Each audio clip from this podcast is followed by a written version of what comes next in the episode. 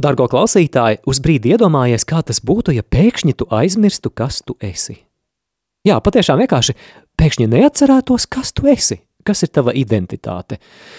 Neatcerētos ne, kā tevi sauc, neatcerētos, kurai ģimenei tu piederi. Tu nemaz nezinātu vairs, kur ir tavas mājas, un tev nav ne jausmas, uz kuru telefona numuru zvanīt, lai kādam lūgtu palīdzību. Vai gadījumā ar mums kristiešiem nav tā, ka nereti mēs patiesībā nemaz nezinām, kas mēs esam Jēzu Kristu? Pazīt mūsu identitāti Jēzu ir ļoti svarīgi. Tas maina daudz ko.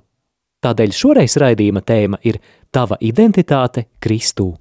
Tavā radioaparātā raidījums Randiņš ar Bībeli.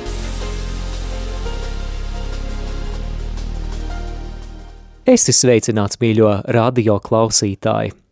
Tevi uzrunāju es, Māris Veliks. Šoreiz raidījumā Randiņš ar Bībeli izdarīsim nelielu atkāpīti no mūsu Bībeles panorāmas cikla, lai nākamo vecās derības grāmatu sāktu studēt jau nākamajā nedēļā. Tā kā šoreiz dodos uz eh, Jāzepa vīru rekolekcijām Aglonā, es piedāvāju tev noklausīties eh, lekciju no 2022. gada svētceļojuma uz Aglonu, kurā es runāju par to, kas mēs esam Kristū, un par to, cik svarīgi ir zināt, kas mēs esam Dievā. Tad nu izbaudiet šajā piekdienā mazliet svētceļojuma atmosfēru, Iztēlojieties, ka sienāži jums sisina apkārt, esam apsēdušies kādā ceļmalā, turpat zālītē, iemalkojam ūdeni no tā, kas vēl mums ir palicis pudelē, kāds varbūt apēt kādu riekstu un esam gatavi noklausīties katehēzi.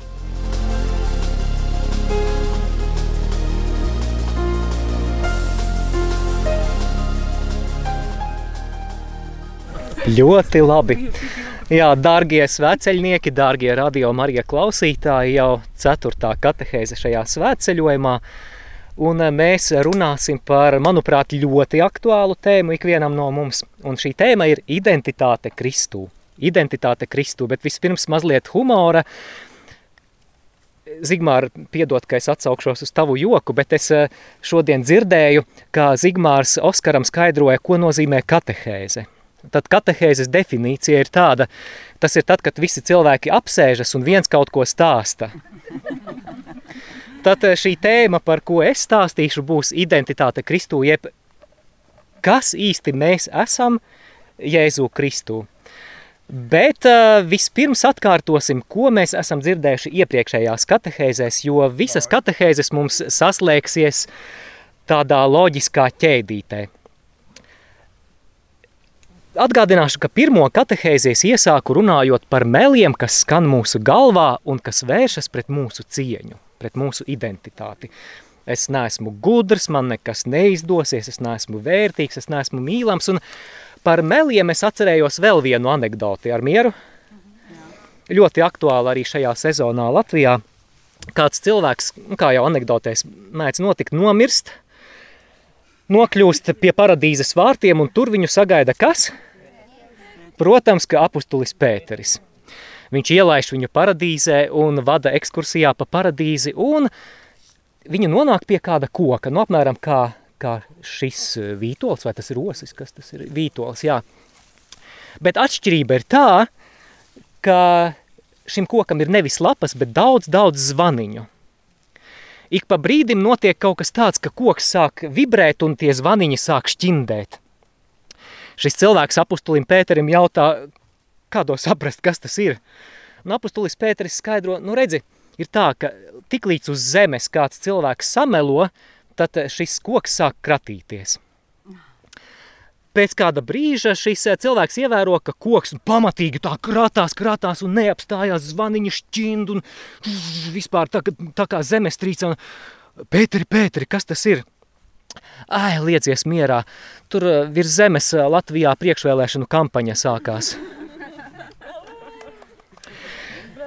Pirmajā katehēzē mēs runājām, ka šos melus pret mūsu identitāti, pret mūsu cieņu mēs varam neutralizēt ar Dieva patiesību. Un par kādu Dieva patiesību mēs runājām pirmajā katehēzē? Moto.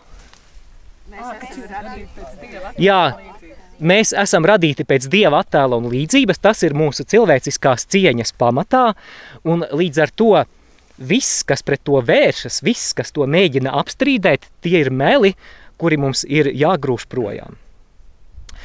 Arī priesteris Pēteris otrajā katehēzē runāja par radīšanas stāstu jau padziļinātāk un arī uzzinājām daudz interesantu faktu par bībeli līdz vakardien mēs nonācām līdz radīšanas grāmatas trešajai nodaļai, un Aija mums stāstīja pamatojoties uz šo trešo nodaļu par ko? Grēkā kritušo cilvēku. Tieši tā, par grēkā kritušo cilvēku.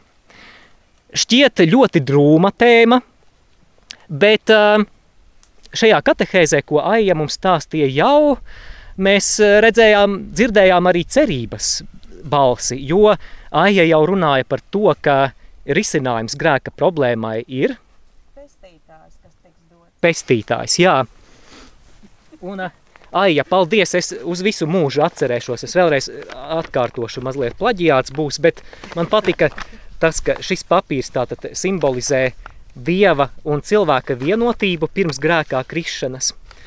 Kad cilvēka dzīvē ienāk grēks, tad šī vienotība tiek pārrauta. Un tas, ko mums Aija teica, kas ir tas, kas šo var sastiprināt, salīmēt kopā? Jā, krusts. Kā krusts? Jā, Jēzus Kristus ir tas, kas ir nomiris par mums pie krusta. Trešajā dienā augšām cēlies, lai dāvātu cilvēkiem, ikvienam no mums jaunu iespēju, lai mēs varētu būt atbrīvoti no grēka varas un lai mēs varētu būt atkal savienoti ar debesu tēva mīlestību. Es vēlos šo tēmu turpināt, proti, kas notiek mūsos, kad mēs tiekam pestīti? Kas notiek mūsos, kad Dievs mūs pieņem un kad mēs pieņemam Jēzu Kristu savā dzīvē. Jo vienas no svarīgākajām pārmaiņām mūsu dzīvē notiek tieši identitātes jomā, tajā, kas mēs esam. Tad, kad mēs iegremdējamies Kristū, tad mūsos notiek kādas pārmaiņas, kuras ārēji uzreiz nevar būt redzamas. Olga.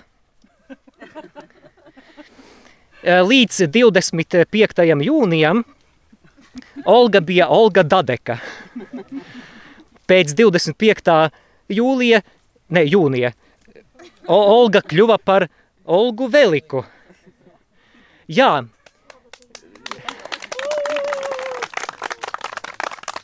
Arī, ja Olga ietu pa ielu, cilvēki uzreiz šo pārmaiņu, pārmaiņu ja vien neievērotu viņas laulības gredzenu, neieraudzītu, bet patiesībā tā pārmaiņa ir reāla. Viņa tagad ir sieva.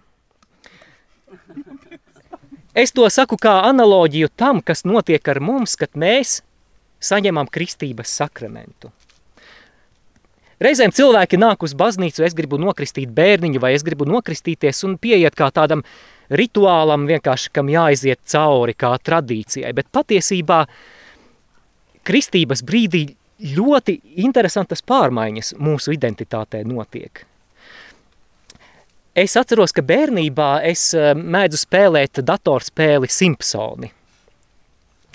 Šajā datorspēlē bija iespēja tam Bārtam Simpsonam uzlikt rentgena brilles, un caur šīm brillēm viņš redzēja, kurš no Springfieldas iedzīvotājiem ir citplanētietis un kurš ir normāls cilvēks.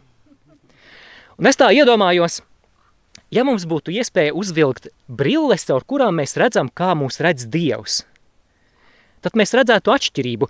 Ja saliktu rindā tūkstoši cilvēkus, uzreiz pirmajā acu mirklī mēs nevarētu atšķirt, kas ir kristieši, kas nav, nav ar Kristu. Bet ja mēs uzliktu šīs brilles un ja mēs ieraudzītu cilvēka būtību, kā to redz Dievs, tad tur būtu noticis kaut kas interesants. Iekšējais pārmaiņas, par kurām es arī katehēzes turpinājumā vēlos pastāstīt, un tās visas ir saistītas ar mūsu identitāti. Tātad, kas mēs esam Jēzu Kristu? Starp citu, Bībelē šī frāze Jēzu Kristu ir sastopama apmēram 144 reizes, un apmēram 35 reizes no tām ir saistītas ar mūsu identitāti, kur formula ir apmēram tāda, tā kā jūs esat Kristu Jēzu, jūs esat tas un tas jūs esat. Un par to mēs arī parunāsim. Bet jautājums, vai mēs kā kristieši zinām, kas mēs esam Kristū? Vai mēs kā kristieši zinām, kas ir mūsu identitāte Kristū Jēzū? Es dzirdēju patiesu stāstu par kādu cilvēku, kurš 2004. gada 31. augustā ASV Džordžijas štatā kādā pilsētā tika atrasts piecos no rīta. Viņš bija kails, sadauzīts un gulēja pie Burger King restorāna. Burger King darbinieks izsauca ātro palīdzību, šis cilvēks tika nogādāts slimnīcā, un kad viņš nāca pie samaņas, viņš neatcerējās, kas viņš ir. Tika mēģināts noskaidrot viņa identitāti gan caur sludinājumiem, gan caur DNS testiem, bet ilgu laiku neviens neatsaucās. Un, un apmēram kādus 14 vai 15 gadus šis cilvēks tā arī nezināja, kas viņš ir. Iedomājieties, kā tas ir dzīvot, kad tu nezini ne savu adresi, tu nezini savas tiesības, tu nezini savus tuviniekus, tu nezini savu e-pasta adresi un telefona numuru. Tu nezini savu adresi, tu nezini savu pagātni. Un es tā aizdomājos, vai gadījumā nav tā, ka reizēm kristieši ir līdzīgi šim cilvēkam, kurš īsti nezina, kas viņš ir. Un ar to ir jātiek skaidrībā. Jo atkal atgriežoties pie tēmas par tiem meliem, kas mūsos skan, tu neesi vērtīgs, tu neesi mīlēts, tu nekam neesi vajadzīgs. Tad um, viens no veidiem, kā mēs pret to varam cīnīties, ir sev atgādinot un sev pasludinot Dieva patiesību, kas ir Dieva vārdā, proti patiesību par to, kas mēs esam Kristū. Ja mēs zinām, kas mēs esam Kristū, mūsu dzīvē ir vairāk prieka, mūsu dzīvē ir vairāk drosmes. Mēs zinām, kādas ir mūsu privilēģijas, mēs zinām, kādas ir mūsu tiesības kā Dieva bērniem – Man nāk prātā vēl kāds stāsts par spāņu maiznieku Venancio Fernandezu. Spānijas kara laikā daudzi spāņi emigrēja uz, uz Meksiku, kur bija drošāk, un to skaitā bija arī kāds spāņu maiznieks Venancio Fernandes ar savu ģimeni. Nonākuši Meksikā, viņi turpināja savu biznesu, viņiem bija maiznīca – Viņi tur jau iekārtojās, bet pēc 20 gadiem, un karš Spānijā jau bija beidzies, viņi nolēma, ka beidzot ir jāizbrauc uz dzimteni. Lai kuģī dzīvotu taupīgāk, lai varētu ietaupīt naudiņu, jo Venancio Fernandes nebija tas cilvēks, kurš pa labi pa kreisi šķiež naudu. Tāds eh, paskops bija. Viņš izcepa ļoti daudz maizes, lai paņemtu līdzi, un viņa nopirka 20 kg dzeltena siera. Viņi iesēdās kuģī un brauc uz Spāniju. Pirmajā dienā viņi ēd ko? Maizi un sieru. Otrajā dienā viņi ēd maizi un sieru. Septītajā dienā viņi ēd maizi un sieru. Astotajā dienā viņi saprot, ka viņu āda no siera jau dzeltena ir kļuvusi un ka viņi skatīties vairs nevar uz to maizi. Pēdējā vakarā pirms iepeldēšanas Spānijas ostā sieva Venancio pierunā, ka, nu, nu vīriņi, nu varbūt, varbūt šoreiz, nu nosvinēsim to, ka mēs tulīt būsim Spānijā. Paēdam normāli beidzot restorānā. Nu labi, labi. Tad viņi iet uz restorānu, bet eh, pirms ieiet tajā, tad viņus aptur kāds no apsargiem un, un jautā, kur, kur ir jūsu biļetes, lūdzu uzrādiet biļetes. Es samaksāšu, lepns Venancio Fernandes saka, nē, nē, šajā pirmās klases restorānā drīkst ienākt tikai uzrādot biļeti. Jo tikai, tikai īpašas klases pasažieriem šeit ir iespēja pusdienot, brokastot un vakariņot. Labi, sakodis zobus Venancio, saka, izvelk biļeti, rāda.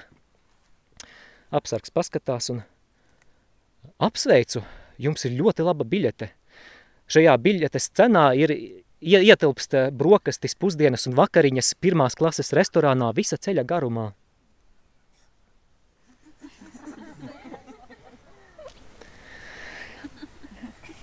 Ja mēs kā kristieši nezinām, kas mēs esam Jēzu Kristu, mēs esam kā šis Venancio Fernandes, kurš nezina, kādas ir viņa privilēģijas, kurš nezina, kādas ir viņa iespējas, pateicoties Dievam. Un eh, kateheizes turpinājumā es vēlos pasludināt vairākus punktus par to, kāda ir mūsu identitāte Kristū.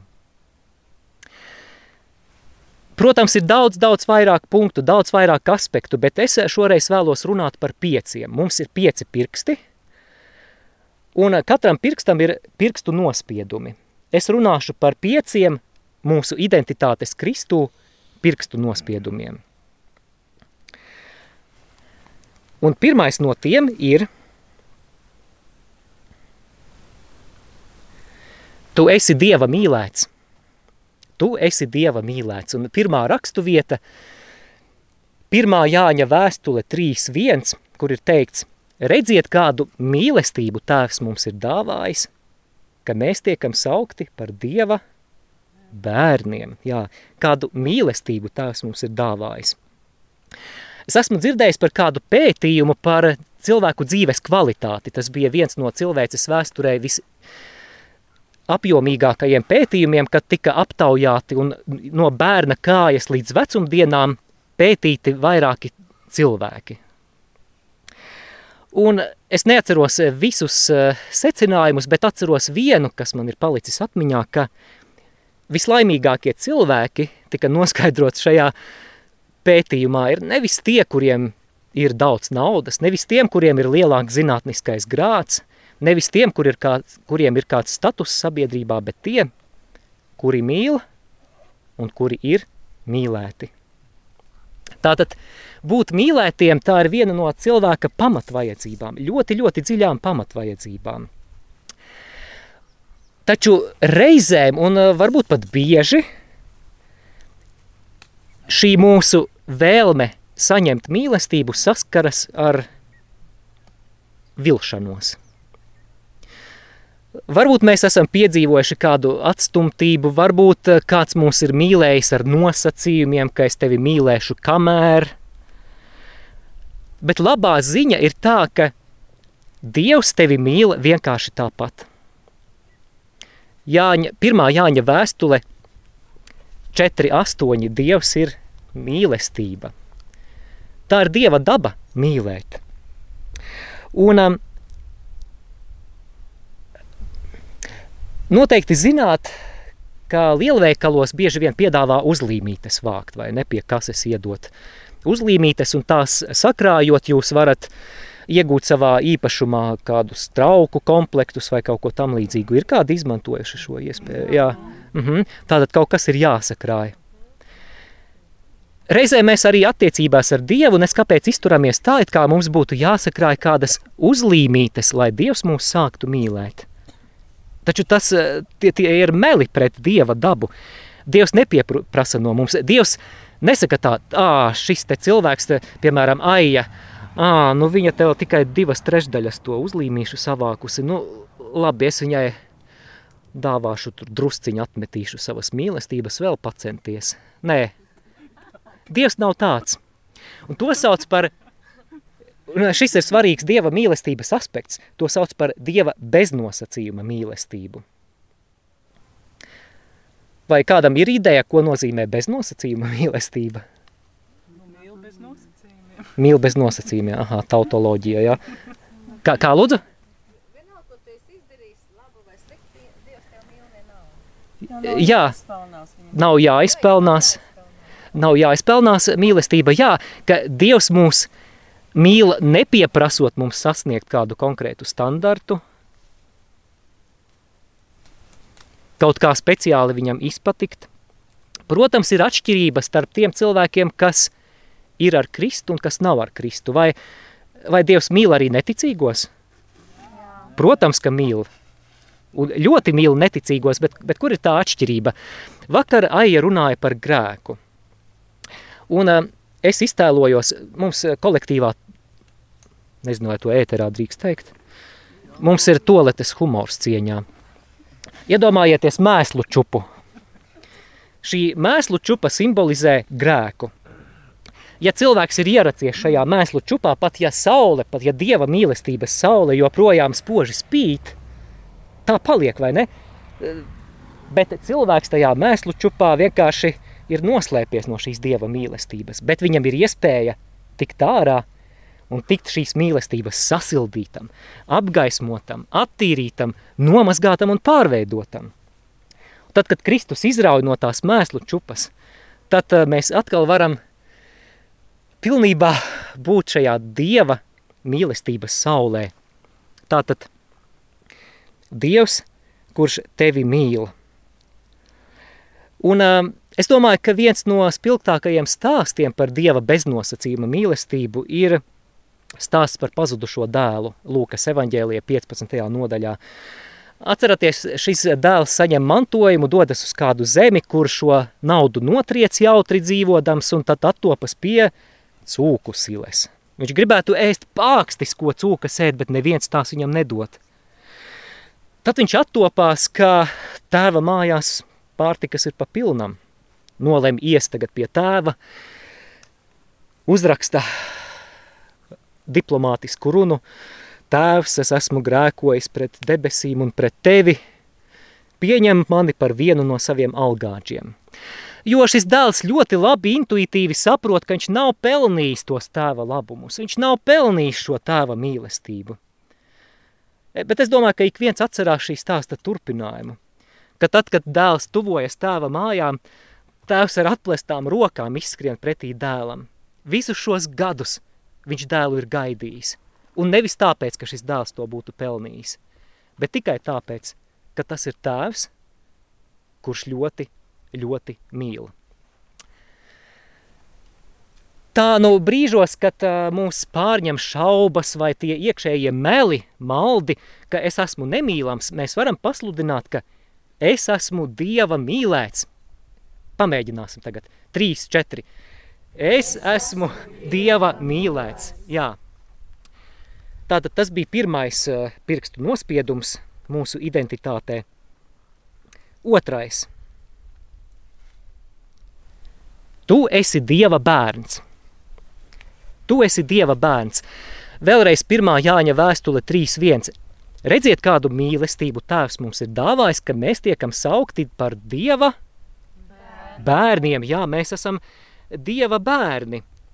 Vēl viena no cilvēku pamatvajadzībām ir vajadzība tikt pieņemtiem, vajadzība piederēt, un ko tik mēs neesam gatavi darīt, lai mēs piederētu vai nu kādai kopienai vai kolektīvam, lai citi cilvēki mūs respektētu, pieņemtu, atzītu, tas pat mūsu ģērbšanās stilu ietekmē.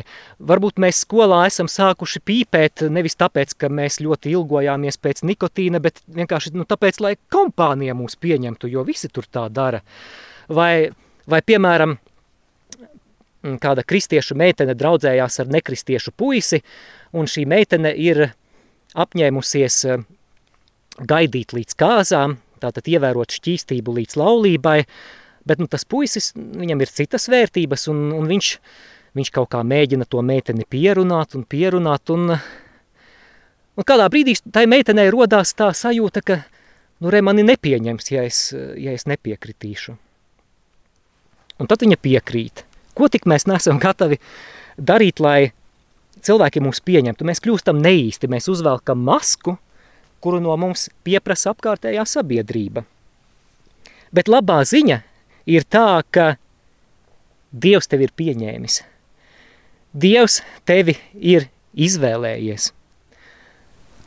Tātad um, Tu esi Dieva bērns, tu esi pilnībā pieņemts caur kristības sakramentu, arī kā Aija vakar minēja. Caur kristības sakramentu mēs tiekam iekļauti Dieva ģimenē. Un man patīk, kā ir tāds amerikāņu katoļu teologs Skots Hāns, kurš ļoti daudz runā par to, ka bībeles stāsts patiesībā lielā mērā ir ģimenes stāsts. Tas ir ģimenes stāsts par tēvu, kurš cenšas sapulcināt savā ģimenē savus izklīdušos bērnus.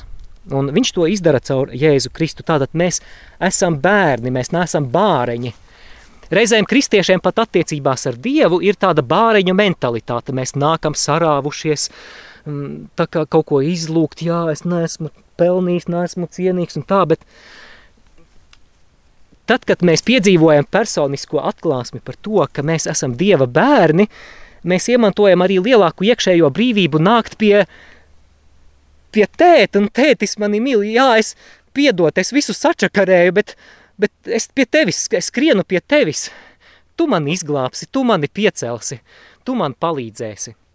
Tātad tā, šī, šis otrais pirkstu nospiedums ir tas, ka mēs esam Dieva bērni. Klausītāji, arī tu esi Dieva bērns. Pamēģināsim tagad paši sev to pasludināt. Mm, Es esmu Dieva bērns. Trīs, četri. Dieva bērns, jā, ļoti labi. Es esmu Dieva bērns. Tātad tu esi mīlēts, tu esi Dieva bērns. Trešais pirkstu nospiedums Tu Dievam esi ļoti dārgs.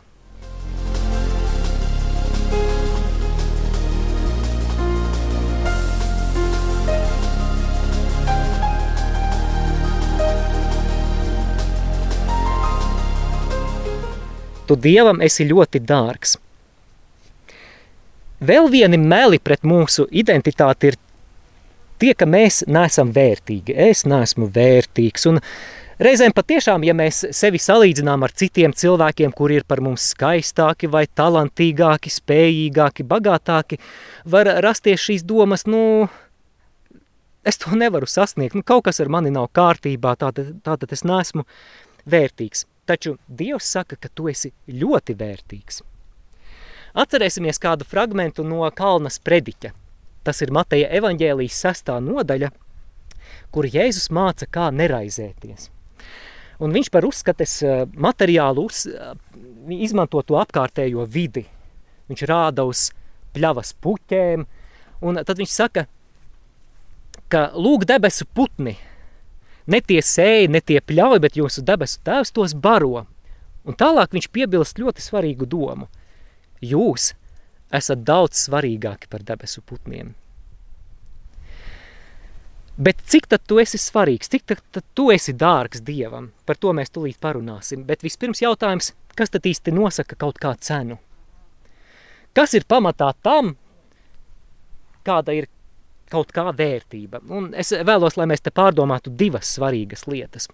Viena lieta, kam tu piederi, un otra lieta, cik par, cik par tevi kāds ir gatavs maksāt kam tu piederi un cik par tevi kāds ir gatavs maksāt. Tagad ģitāristiem vai rokmūzikas cienītājiem būs interesants fakts par dārgākajām ģitārām.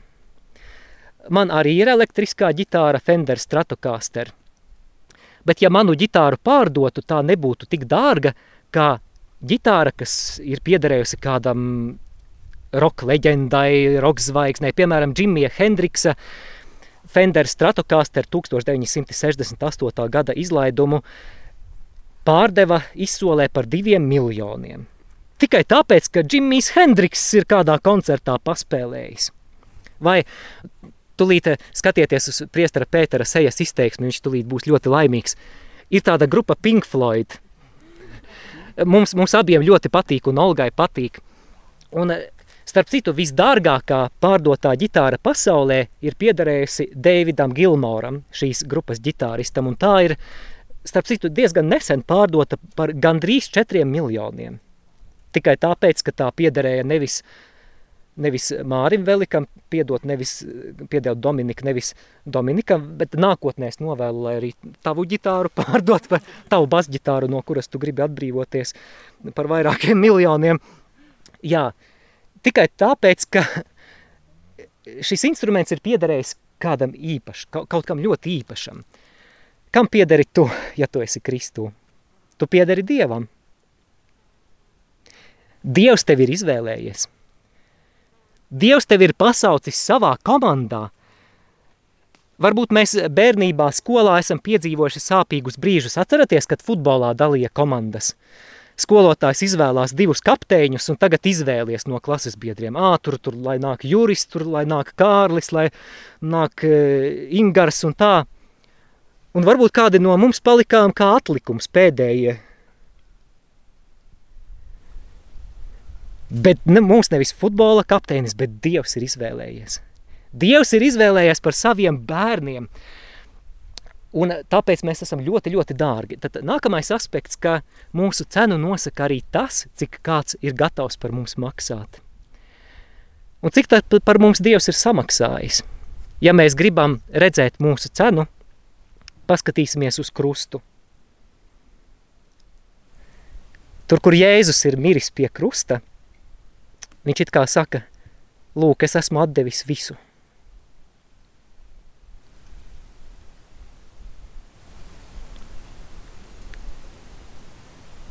Tu esi tik dārgs. Un pat, ja, pat ja tu būtu vienīgais cilvēks pasaulē, es tik un tā to būtu izdarījis. Tieši tevis dēļ. Mēs varētu pasludināt tagad, eh, ka es esmu Dievam ļoti dārgs. Es esmu Dievam ļoti dārgs. Tātad es esmu Dieva mīlēts, es esmu Dieva bērns, es Dievam esmu ļoti dārgs. Ceturtais. Tu esi jauns radījums Kristū. Tu esi jauns radījums Kristū. Rakstu vieta šeit būs otrā vēstule korintiešiem 5 no 17 līdz 19, kur Pāvils raksta. Tādēļ tas, kas ir Kristū, ir jauns radījums.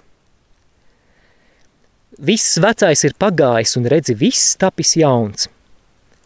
Viss ir no Dieva, kas mūs ar sevi caur Kristu ir samierinājis – un ir izdevis mums šai izlīkšanai, uzdevis šai izlīkšanai kalpot. Tādējādi Dievs Kristū pasauli samierina ar sevi un nepieskaita cilvēkiem viņu pārkāpumus. Man baigi prasās padzert tā neliela pauzīte. Tā. Jā, tad tu tulīt iedos. Paldies. Olga garšīgāks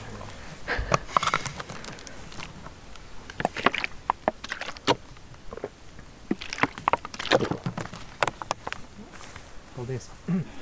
Vēl vieni meli pret mūsu identitāti ir tie, ka mēs esam tik grēcīgi, ka Dievs mums nevar piedot. Jau pirmās dienas katehēzē es minēju apustuļa Jūdasa piemēru, kurš nožēloja savu grēku, bet eh, krita bezcerībā, jo acīm redzot uzskatīja, ka tas ir tik liels grēks, ka tas viņam nekad netiks piedots. Un tad viņš aiziet un pakarās. Reizē mēs paši sevi zāģējam, mēs it kā sevi identificējam ar to, ko mēs pagātnē esam darījuši. Un pat tad, ja mēs esam kristīti, pat tad, ja mēs esam nomazgāti izglīkša, izglīkšanas sakramentā, mēs joprojām kaut kur nesam to nepamatoto vainas sajūtu. Dievs tajā brīdī brīnās par tevi, tu par ko te cepies? Tu esi jauns radījums Kristū. Viss, kas ir bijis, ir pagājis – un viss ir tapis jauns.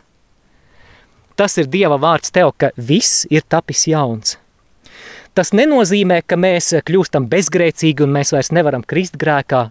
Protams, ka mēs krītam grēkā, bet mums ir iespēja atkal celties.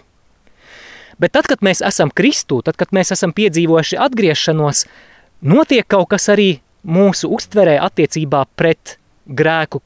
Kaut kas ir būtiski mainījies. Ja agrāk mēs to esam uzskatījuši par normālu dzīves sastāvdaļu, tad tagad pat, ja mums gadās klupiens, mūsu sirdsapziņa mūs mudina atgriezties. Mēs sakām, tēvs, es esmu sasmērējies, lūdzu piedot, es gribu atpakaļ pie tevis. Tātad tu esi jauns radījums Kristū. Es mazliet saīsināšu, jo mums jau tuvojas arī tiešraides laiks, bet uh, tagad uz, pateiksim, ka es esmu jauns radījums Kristū. Jauns.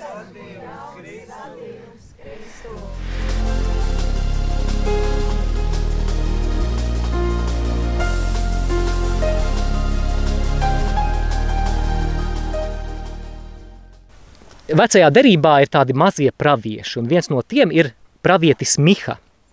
Un man ļoti patīk, kā pravietis Miha 7. nodaļā 19. pantā, kādas līdzības viņš lieto par Dieva žēlsirdību. Varbūt eh, esat ievērojuši, ka reizē mēs, kad domājam par veco derību, mēs domājam par to, ka nu, vecajā derībā Dievs ir dusmīgs, vienmēr neapmierināts un nepiedodošs. Patiesībā vecajā derībā ir ļoti daudz par Dieva žēlsirdību, un šis pravietis Miha saka tā, ka tad, kad Dievs apžēlojas par mums, kad viņš mums piedod grēkus, tas ir tā, it kā viņš šo grēku samīda un iemet dziļi jūrā. Es citēšu, viņš iežēlosies par mums, viņš samīdīs mūsu noziegumus un iemetīs jūras dzelmē visus mūsu grēkus. Dievs nekad nevilks ārā tos mūsu grēkus no jūras. Viņš tur uzliek zīmi nepiedarošām personām makšķerēt aizliegts. Naktī atnāk nepiedaroša persona. Paņem akvalangu un ienirst dzelmē un izkāpj ar atkritumu maisu. Dziņ, dziņ, zvana pie, pie jūsu durvīm, jūs atverat un saka, labdien, vai šis gadījumā nav jūsējais? Kā mums ir jāatbild? Es esmu jauns radījums Kristū. Vācies projām. Amen. Amen. Jā, un tad piektais, pēdējais punkts. Mēs esam svētā gara templis. Katoliskās baznīcas katehismā ir rakstīts, ka caur kristības sakramentu mēs kļūstam par Dieva bērniem, Kristus miesas locekļiem un par svētā gara templi. Ja mēs līdz galam saprastu šo patiesību, ko nozīmē tas, ka svētais gars, ka trīsvienības trešā persona mūsos mājo, mūsu smadzenes eksplodētu, tāpēc patie, pateicība Dievam, ka mēs līdz galam to neapjaušam, bet nu mums vajadzētu vairāk to apzināties. Jo tad, ja mēs saprotam, ka šis mūsu ķermenis, kurš pēc svēceļojuma gājiena jūtās noguris, kuram gribās ēst, kurš ir sasvīdis, ka tas ir mājoklis pašam Dievam, vari uzlikt sev roku un, un apzināties, ka, jā, ka šis mans ķermenis ir ļoti labs, arī kā priesteris Pēteris atsaucoties uz Jāņa Pāvila otrā miesas teoloģiju teica, ķermenis cilvēka, šī fiziskā daļa ir ļoti laba un mūsos mājo pats Dievs. Un ko tas nozīmē? Ka tad, kad jūs ejat tā traktors,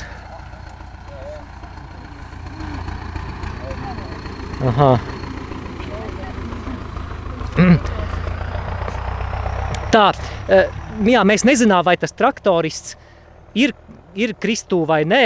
Nu, pieņemsim, ka es ceru, ka viņš ir Kristū. Viņš ir svētā gara templis, un tas nozīmē, ka svētais gars šobrīd ar viņu strādā traktorā. Tad, kad beigsies atvaļinājums, un tad, kad jūs dosieties uz savu darba ofisu, sēdīsieties pie datora vai aiz letes, svētais gars tur būs kopā ar jums. Tad, kad jūs ieiesiet kādā lielveikalā iepirkt pārtikas produktus, svētais gars būs ar jums. Un jo vairāk mēs kultivējam, jo vairāk mēs kopjam šo draudzību ar svēto garu, jo brīvāk svētais gars mūs lieto citu cilvēku dzīvē. Un tāpēc arī šī svētceļojuma laikā būsim drosmīgi. Tad, kad mēs iesim uz slimnīcu vai uz pansionātu, izbeigsim justies kā, kā tādi bārenīši, kuri te mēģina kaut ko dieva godam saviem spēkiem. Ah, man ir bail, es nezinu, ko teikt, bet nu labi, eju. Ar tevi ir svētais gars. Ar tevi ir svētais gars. Mans pamudinājums būtu draudzēties ar svēto garu. Draudzēties arī tad, kad, svē, kad svētceļojums beigsies. Tu pamosties no rīta, saki Dieva tēva un dēla un svētā gara vārdā, āmen, un saki, labrīt, svētais gars. Paldies Tev, ka Tu biji ar mani šajā naktī. Ejam kopā šajā jaunajā dienā.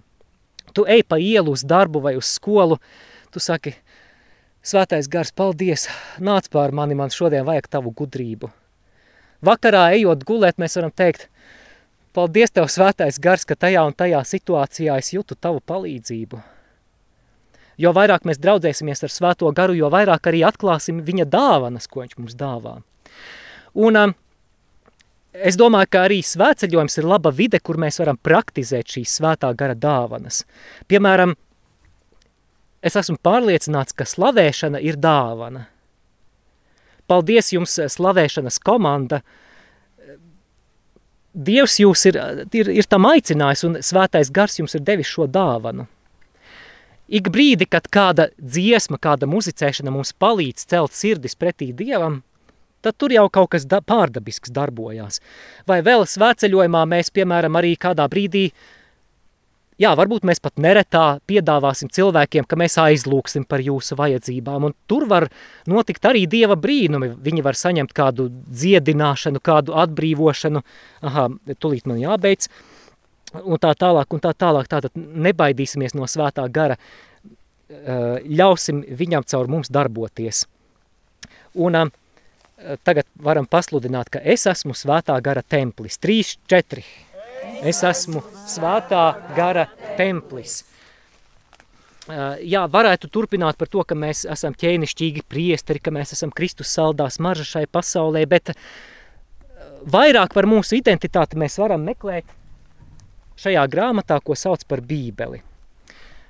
Es bībeles tekstus esmu pasvītrojis dažādās krāsās, man te ir sava krāsu sistēma, un ar zaļo krāsu es esmu iekrāsojis tās raksturvietas, kas runā tieši par cilvēku, par cilvēka identitāti Dievā, lai es vieglāk varētu atrast, tad, kad man tas ir vajadzīgs. Tātad lasām bībeli un mēģinām pievērst uzmanību, kas tajā ir rakstīts par mūsu identitāti. Tad nākamā lieta, kas ir tā praktiskā daļa – ir tā, ka tā, tā, tā. Jā, nākamā lieta ir tā, ka mēs varam pasludināt šo vārdu. It sevišķi tad, kad mums ir slikti, tad, kad mēs sākam šaubīties par sevi. Veram vaļā bībeli un sakām, es esmu jauns radījums Kristū. Es neesmu nejaušība. Es, es esmu Dieva svētais, es esmu Dieva aicināts, es esmu viņa bērns un tā tālāk. Es ceru, ka klausītājiem un svēceļniekiem kaut kas noderēja. Gods lai ir tēvam un dēlam un svētajam garam, kā tas no iesākuma ir bijis, tā tagad un vienmēr un mūžīgi mūžos. Āmen.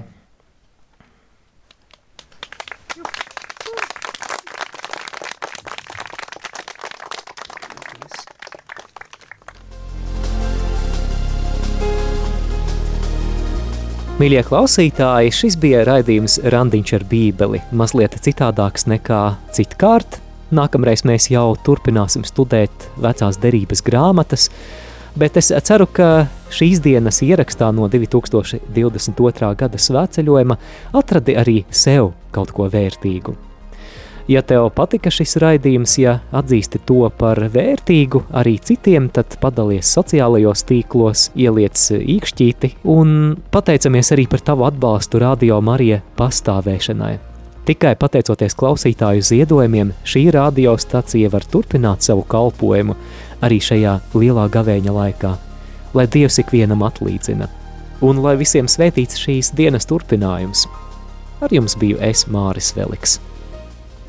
Jūs klausījāties raidījumu Rāndiņš ar Bībeli. Savas atsauksmes, ieteikumus un jautājumus sūtiet uz e-pastu Rāndiņš ar Bībeli at gmail.com. Iepriekšējās raidījuma epizodes var atrast arhīvā.